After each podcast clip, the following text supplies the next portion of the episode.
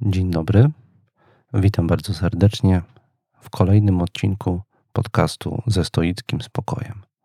W dzisiejszym odcinku kontynuuję udzielanie odpowiedzi na pytanie o to, co to znaczy być dobrym człowiekiem, co w praktyce oznacza próbę wyjaśnienia stoickiej koncepcji cnót, a więc będę o tym mówił dzisiaj, czym według stoików jest cnota, ile jest tych cnót i dlaczego tak ważne jest pielęgnowanie ich w sobie i wreszcie na czym to pielęgnowanie w praktyce polega. Bardzo serdecznie zapraszam do wysłuchania dzisiejszego odcinka.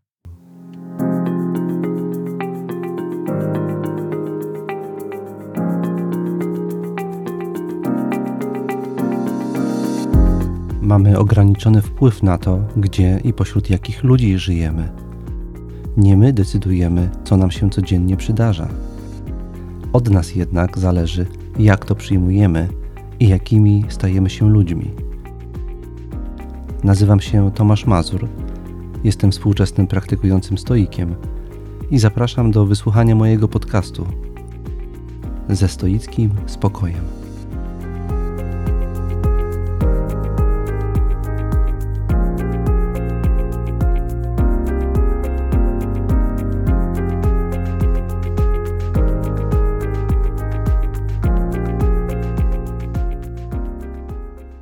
Zacznę tradycyjnie e, od podziękowań i cytatu, który będzie przewodnikiem w dzisiejszym nagraniu.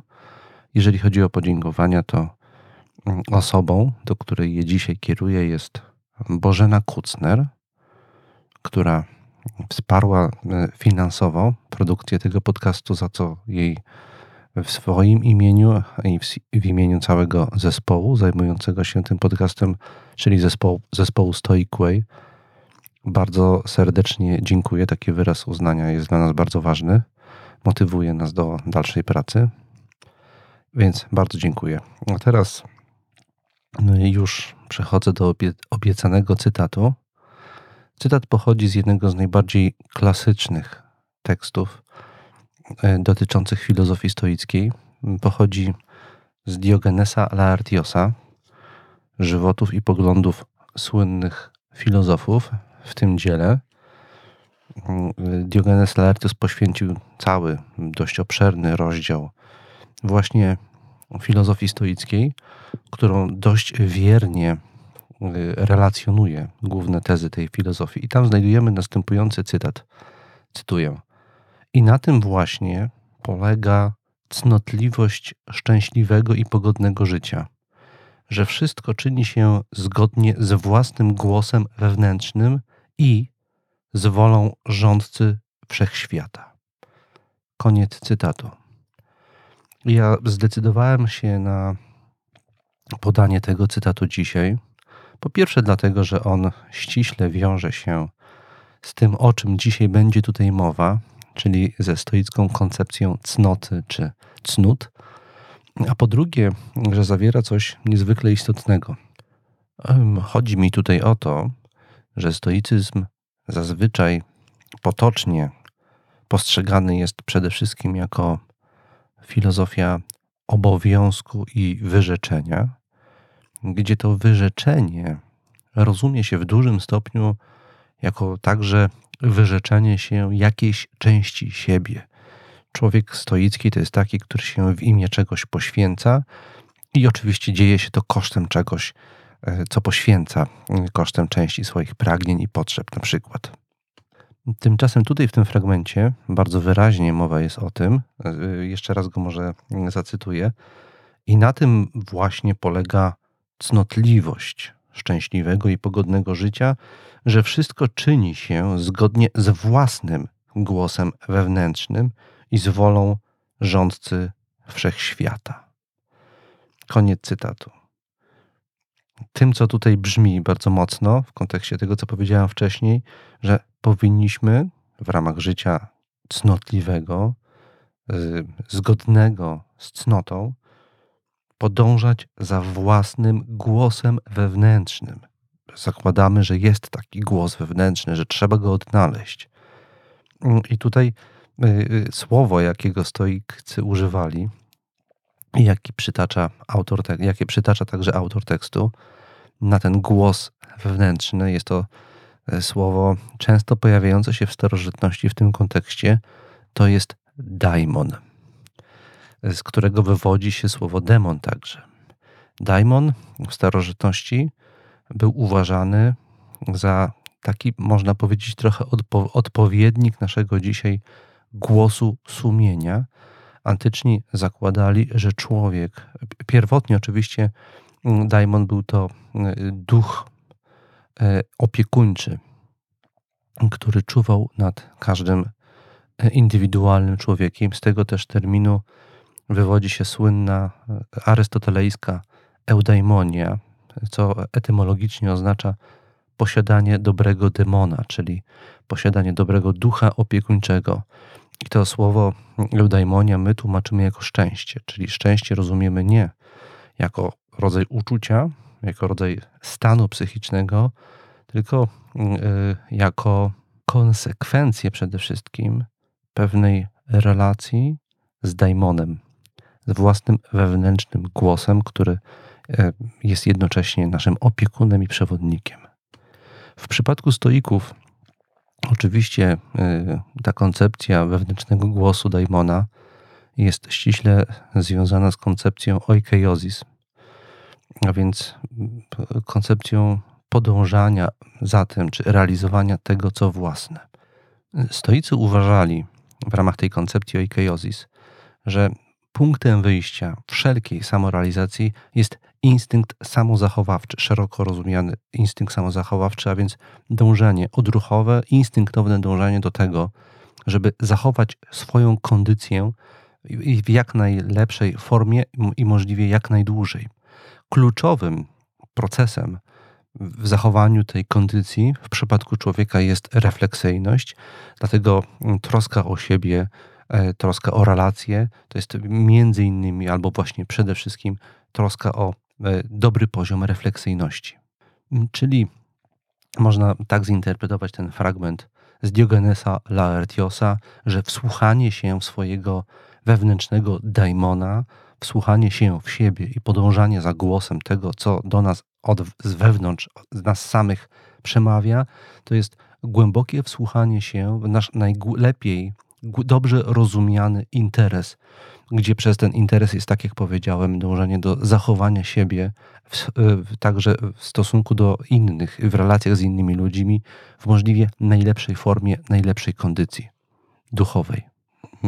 Może warto wspomnieć, że pominąłem w tej narracji, w tym wyjaśnieniu cytatu z Diogenesa Laertiosa, drugi człon koniunkcji, która się w nim pojawia, tam mowa jest o tym, że życie cnotliwe z jednej strony polega na wsłuchaniu się w siebie, ale jednocześnie na postępowaniu w zgodzie z wolą rządcy wszechświata.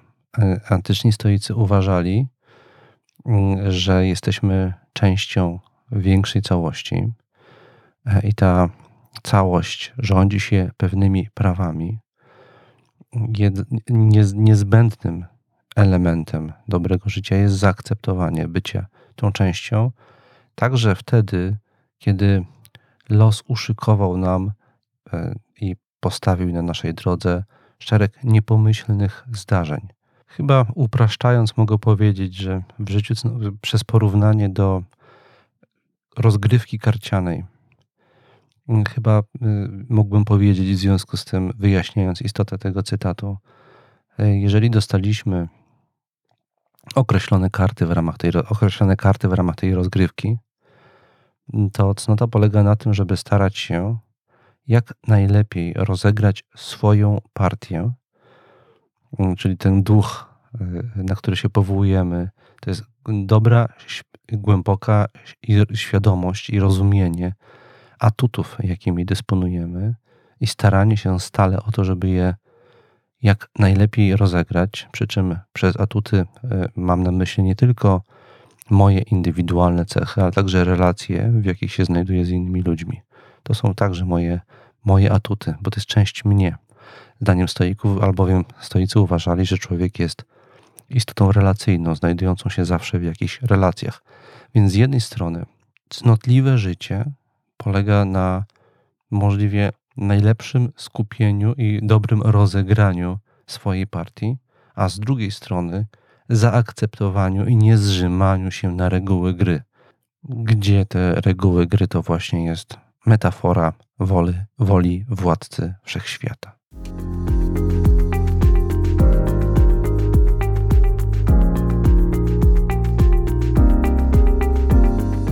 Zanim teraz przejdę już do kontynuacji mojego wykładu e, na temat stoickiej koncepcji cnót, jeszcze chciałem jedną rzecz e, krótko tutaj wyrzucić.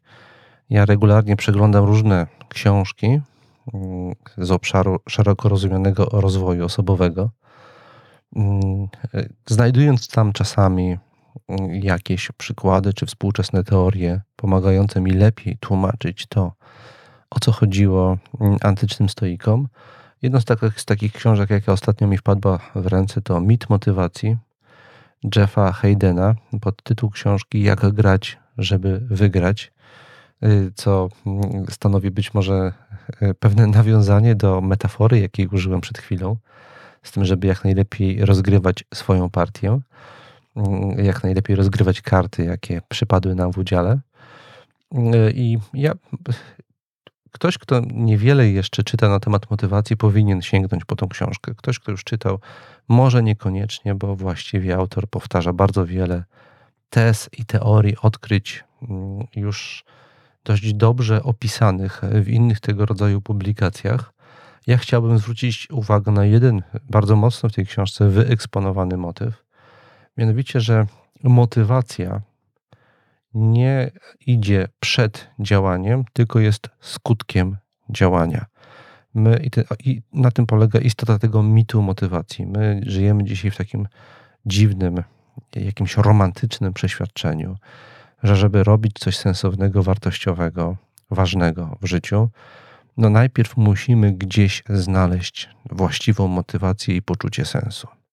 I dopiero wtedy będziemy wiedzieli, że chcemy to robić i że to będziemy właśnie dalej w naszym życiu robić. Tymczasem tak autor, jak i ja już wielokrotnie w różnych miejscach głosiłem, poczucie wartości, motywacji, siła motywacji do robienia jakichś ważnych w naszym życiu rzeczy bierze się nie z tego, że najpierw rozpoznaliśmy na drodze jakiegoś żmudnego wysiłku i wewnętrznego poszukiwania tą moty motywację, żeby te rzeczy robić, tylko ta motywacja jest skutkiem robienia ich. Ja mówiłem ostatnio mm, podczas poprzedniego odcinka tego podcastu, kiedy wyjaśniałem arystotelejską koncepcję cnót. Mówiłem, że cnota jest to pewna trwała dyspozycja do wykonywania pewnych y, zgodnych z normą czynności i że ta trwała dyspozycja jest efektem robienia pewnych rzeczy, wykonywania. Wszystko, co w nas trwałe, jest konsekwencją praktyki, systematycznego działania, mozolnego powtarzania pewnych czynności. Czujemy, że chcemy coś robić na skutek tego, że już to robimy i że robimy, robiąc to, odczuwamy satysfakcję z tego, że to robimy.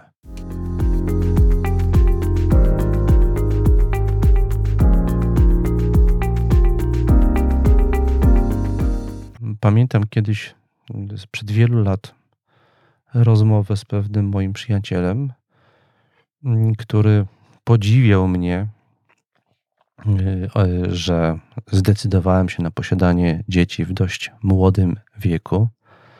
Pierwsze moje dziecko urodziło się, kiedy miałem 24 lata, i w dzisiejszych czasach jest to dość młody wiek, jak na, na ojca, rodzica. I on mi wtedy, a był już znacznie po trzydziestce, wyjawił, że on cały czas czuje się niegotowy na posiadanie dzieci mm, i że chciałby jeszcze najpierw dojrzeć. Potrzebuje jeszcze najpierw dojrzeć do tego, żeby mieć dzieci. Ja mu wówczas trochę przewrotnie i paradoksalnie odpowiedziałem, i ta odpowiedź dała mu głęboko do myślenia wtedy, że człowiek ma dzieci po to, żeby dojrzeć, a nie odwrotnie. ja y, uważam, że w naszym życiu podejmujemy pewne działania i dopiero w efekcie tych działań stajemy się jacyś i doświadczamy czegoś ważnego, a nie na odwrót.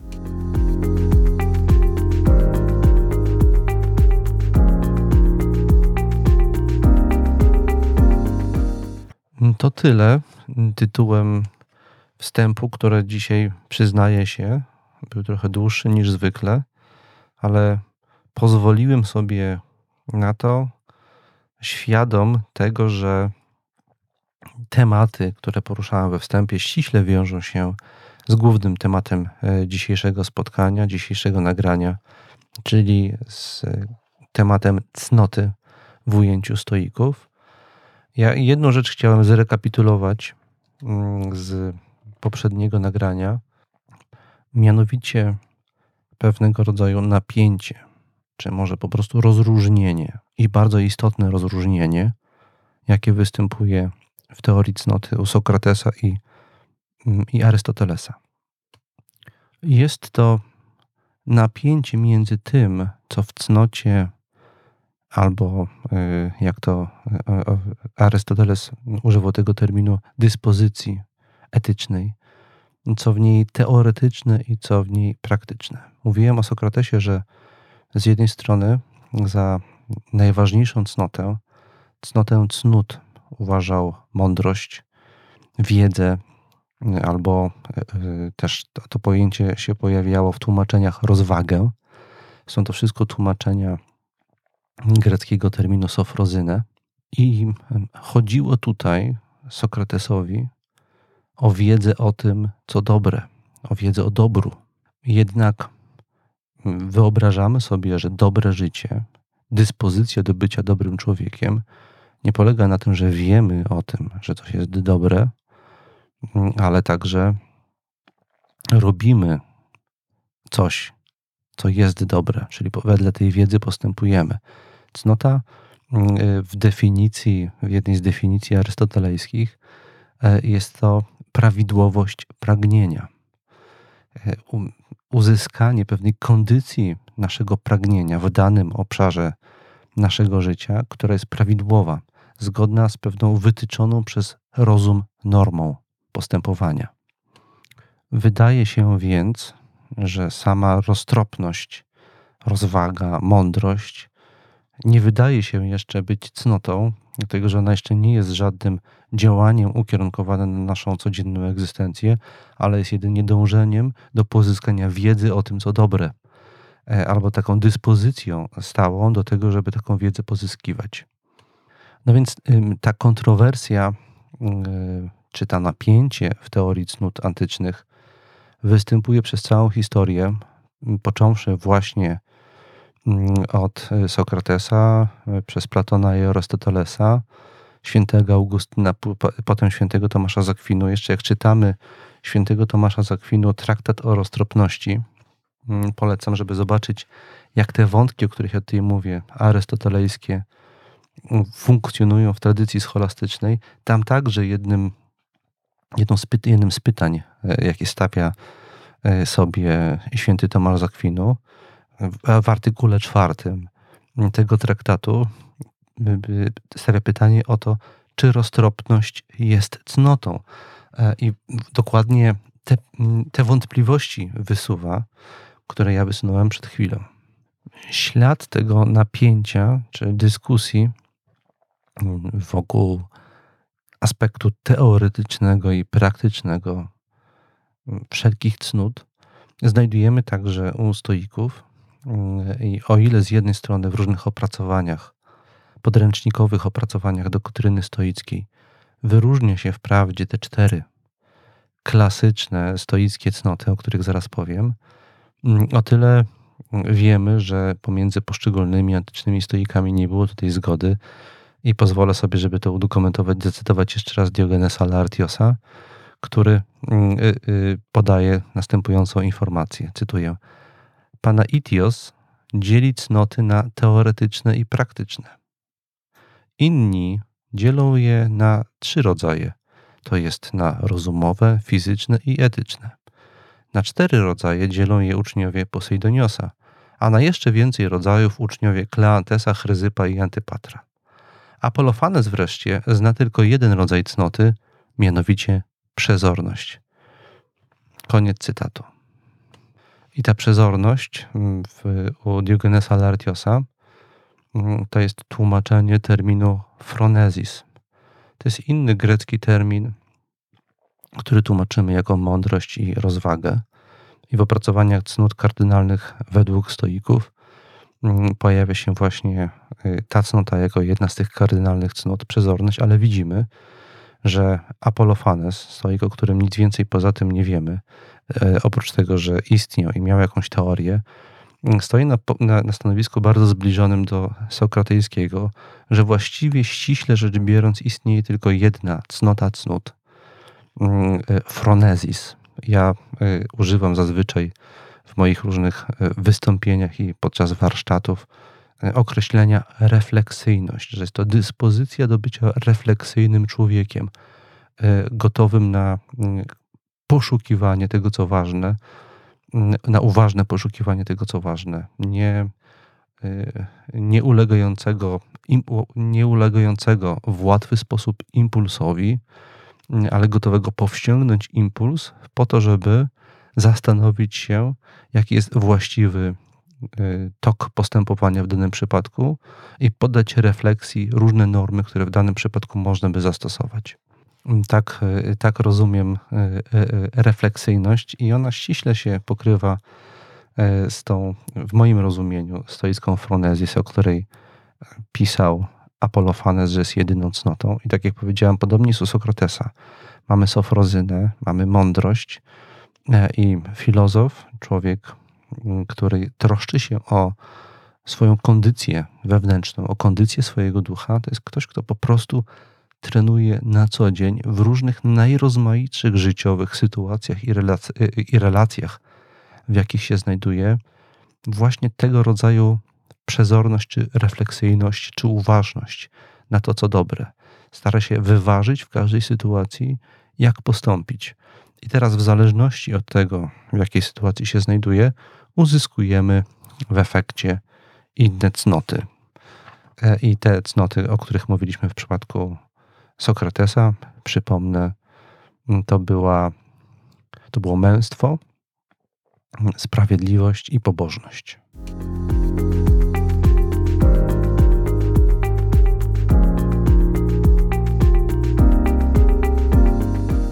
I teraz mogę przejść do wymienienia tych najważniejszych cnót stoickich, kardynalnych. Generalnie stoicy wyróżniali cztery, zazwyczaj, abstrahując już od tych mm, różnic, jakie między nimi występowały w, podczas różnych dyskusji na temat tego, czym jest cnota, pomijając te różnice, mm, to zazwyczaj, tak jak w podręcznikach to jest powiedziane, wyróżnia się cztery najważniejsze cnoty, a wszystkie inne mm, są jakoś pochodnymi tych czterech. Więc po pierwsze jest to mm, owa przezorność, czyli fronezis. Na język polski tłumaczono też po prostu bardzo często jako mądrość czy rozwaga. Następnie jako drugą podaje się dzielność, odpowiednik tego, co wcześniej określałem mianem męstwa. Dalej sprawiedliwość jako trzecia cnota, i jako czwarta umiarkowanie. Mm, są to wszystko te cztery obszary, najważniejsze można powiedzieć, obszary naszego rozwoju.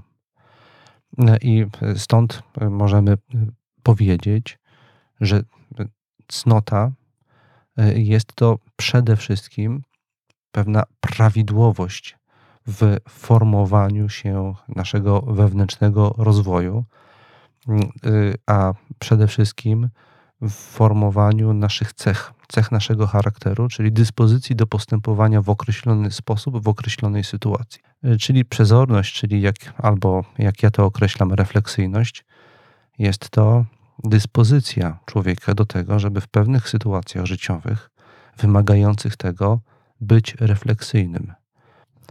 Dzielność rozumiem jako nieulękłość w obstawaniu przy tym, co słuszne, nawet jeżeli e, wiąże się to z jakimś ryzykiem czy zagrożeniem zaspokojenia którejś z naszych kluczowych e, życiowych potrzeb. Czyli o ile refleksyjność podpowiada nam, co wybrać, będąc refleksyjni, możemy rozważyć za i przeciw i wybrać to, co w danej sytuacji słuszne, o tyle dzielność jest to umiejętność niezachwianego obstawania przy tym, co słuszne, pewnego rodzaju automatyzm tego obstawania. Przypominam, co mówiłem wcześniej o automatyzmie działania cnoty u Arystotelesa, że istotą każdej cnoty jest pewnego rodzaju automatyzm, czyli tak jak w przypadku refleksyjności, kiedy ja mówię o cnocie refleksyjności, to mam na myśli pewnego rodzaju nawyk bycia refleksyjnym, automatyzm bycia refleksyjnym. Tym bardziej staje się cnotliwy w rozumieniu tak arystotelejskim, jak i stoickim, im bardziej automatycznie wchodzę w ten stan w sytuacjach, które tego wymagają. I to wymaga powtarzania i treningu. Trzeba się na początku do tego zmuszać, a potem to się po prostu samo dzieje. I jednocześnie dzieje się tak, że pozwolę sobie nawiązać do książki, którą to przytaczałem wcześniej. Dzieje się tak, że jednocześnie sprawia nam satysfakcję i chcemy to jeszcze bardziej i dalej robić. Czyli też się pojawia pewnego rodzaju motywacja za tym idąca. I więc tak jak refleksyjność jest pewnym automatyzmem, podobnie dzielność jest analogicznym automatyzmem w umiejętności wytrwania i obstawania w, ty, w tym, co uważamy za słuszne, pomimo tego, że wiąże się to z różnymi nieprzyjemnymi doświadczeniami, mm, tak ze strony innych ludzi, jak po prostu losu. W tym sensie, w tym sensie można być dzielnym, konfrontując się z jednej strony z nieprzychylnością opinii publicznej, mm, na te opinii na temat jakichś naszych decyzji, a z drugiej strony, kiedy mm, dzielnie znosimy wszelkiego rodzaju przeciwności losu, takich jak na przykład chorobę. Mm, przez sprawiedliwość w rozumieniu stoickim ja rozumiem przede wszystkim trzy rzeczy. Po pierwsze, umiejętność i taka, taki automatyzm, że jeszcze raz to podkreślę, nie stawiania swoich potrzeb wyżej niż potrzeby innych ludzi, w szczególności w sytuacjach, w których zachodzi jakiś konflikt między tymi dwoma, tymi dwoma potrzebami. E, następnie e, gotowość, automatyczna gotowość szukania kompromisu tam, gdzie jest to jedyne rozwiązanie pogodzenia ze sobą mm, konfliktu potrzeb. I wreszcie po trzecie, chociaż może patrząc na to z innej perspektywy, to powinienem podać jako pierwsze, otwartość i uważność na potrzeby innych ludzi, zauważanie ich, bo jeżeli ich nie zauważymy, to w ogóle możemy nawet nie mieć świadomości, że zachodzi między moimi potrzebami i interesami, a potrzebami drugiej osoby jakiś konflikt. Tak rozumiem y, sprawiedliwość w ujęciu stoickim i to, ona, to, to moje rozumienie wywodzi się ściśle z tutaj wyjaśnianej wcześniej koncepcji oikeiosis. Wszyscy dążymy do zachowania siebie i do podtrzymania siebie w jak najlepszej formie. Nie zawsze jest to możliwe w różnym stopniu, w równym stopniu dla wszystkich ludzi, a to mm, między innymi ze względu na przykład na ograniczone zasoby. No a więc sprawiedliwość e, w tym sensie e, oznacza umiejętność rozpoznania tych ograniczeń i znalezienia kompromisu czy konsensusu.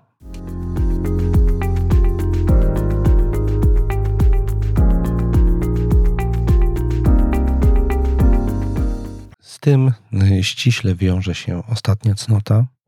Z cnotą sprawiedliwości y, wiąże się niejako wynikając z niej, moim zdaniem, ostatnia cnota, czyli cnota umiarkowania. Oznacza ona automatyzm powściągnienia pragnienia, posiąścia czegokolwiek y, z tych rzeczy, których w danej chwili pragniemy posiąść, jeżeli istnieje jakiś ważny powód, żeby to pragnienie istotnie powściągnąć. I takim powodem może być na przykład sprawiedliwość. albo takim powodem może być zdrowie. I to ostatnie, ta ostatnia cnota na przykład e, jest powodem, dla którego wielu antycznych stoików e, okresowo trenowało ascezę. To znaczy, znamy na przykład taki epizod z młodości Marka Aureliusza, który przejęty zaleceniami stoickimi mm, bardzo mocno ograniczał się w zakresie spożywania posiłków. Nawet do tego stopnia, e, jako młodzieniec był nierozważny, że naraził e, przez to swoje zdrowie poważnie na szwank.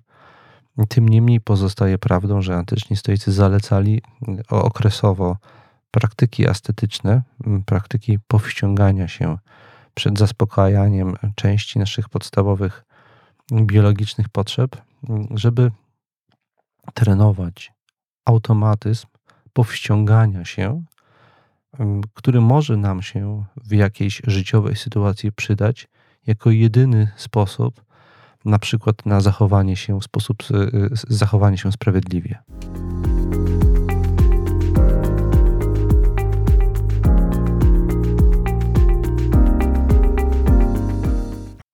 Podsumowując to wszystko, co powiedziałem, mm, cnoty, wszystkie cnoty, bez względu na to, ile w sumie ich jest, są to pewne wewnętrzne, trwałe dyspozycje.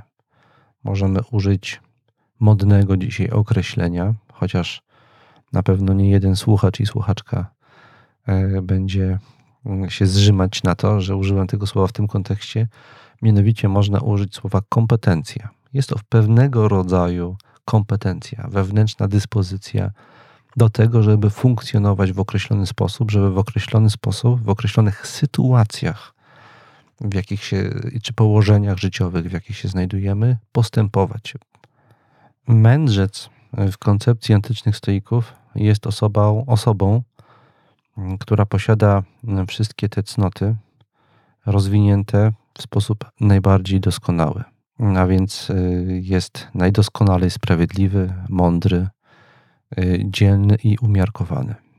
Y, gdzie przez najdoskonalej rozumiem z jednej strony teoretycznie umiejętność uchwycenia wszystkich możliwych niuansów i umiejętność zachowania się właściwie w każdej życiowej trudnej sytuacji, a z drugiej strony przez tą doskonałość rozumiem całkowity i niezachwiany automatyzm w reagowaniu w sposób właściwy w tych sytuacjach. No I o ile tutaj najstarsi stoicy, czyli mistrzowie tej starej stoi, myśleli o tym w kategoriach dychotomicznych, to znaczy, że cnota to jest pewna doskonałość i albo się ją ma, albo się nie ma.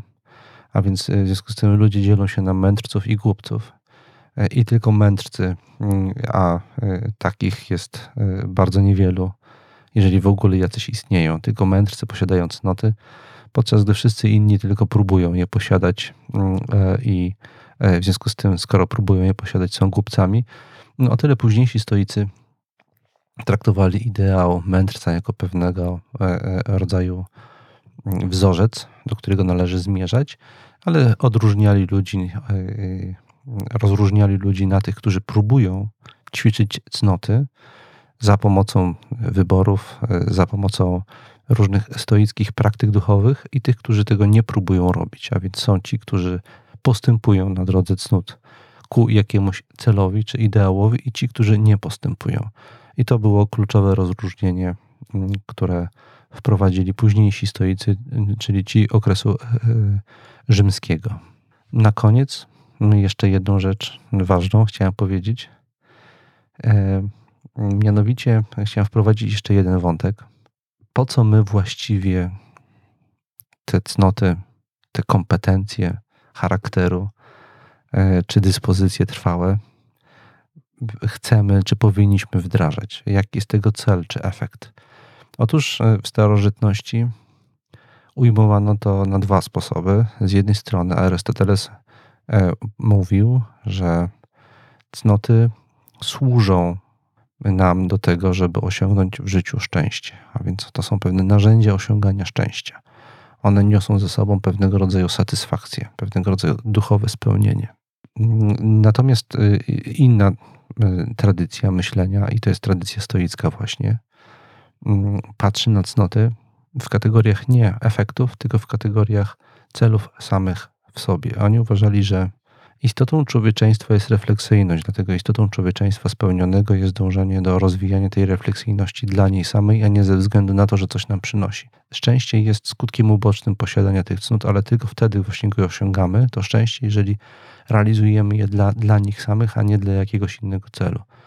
Jest to myślenie bardzo analogiczne do myślenia chrześcijańskiego, później rozwiniętego, gdzie mówi się o tym, że staramy się być dobrzy nie ze względu na to, że dostaniemy w zamian nagrodę w postaci zbawienia, tylko dlatego, że bycie dobrym jest wartością samą w sobie.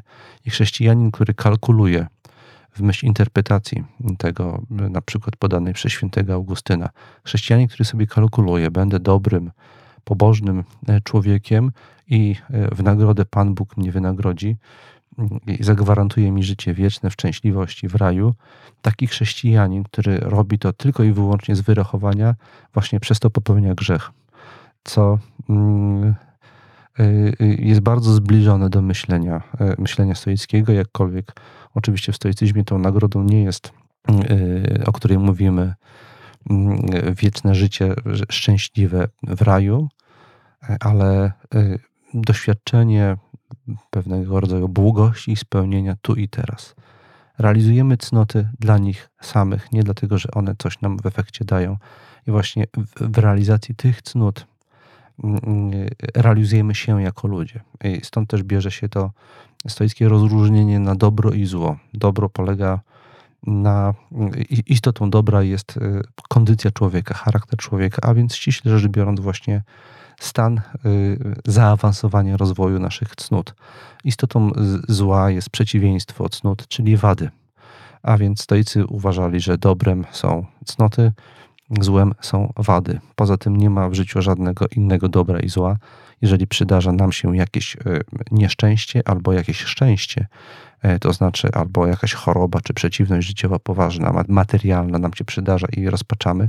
Stoicy starali się nie używać w tym kontekście słowa zło, a jedynie niedogodność. Podobnie przeciwnie, kiedy przydarza, przydarza nam się coś bardzo przyjemnego, satysfakcjonującego, osiągamy sukces w pracy albo e, załóżmy spełnienie matrymonialne, stoicy nie nazywali tego mm, ani szczęściem, mm, y, w znaczeniu ścisłym, ani dobrem, tylko mówili, że to jest dogodne że to jest przydatne, że to jest rzecz godna wyboru, ale nie dobro. Mm, to chciałem dzisiaj mm, powiedzieć o teorii cnót stoickich, jednocześnie bardzo dziękując za uwagę i jednocześnie zapraszając wszystkich zainteresowanych do udziału w stoickich warsztatach organizowanych tydzień po tygodniu w styczniu w dwóch różnych miastach – najpierw w Warszawie, a potem w Trójmieście. Szczegóły można znaleźć w opisie tych wydarzeń na naszej stronie na Facebooku, jak i w zakładce warsztaty na naszej stronie stoicway.net. Bardzo serdecznie zapraszam do zapoznania się z tymi szczegółami i rozważenia wzięcia udziału w warsztatach. A teraz już żegnam się i Zapraszam do wysłuchania kolejnego odcinka podcastu niebawem.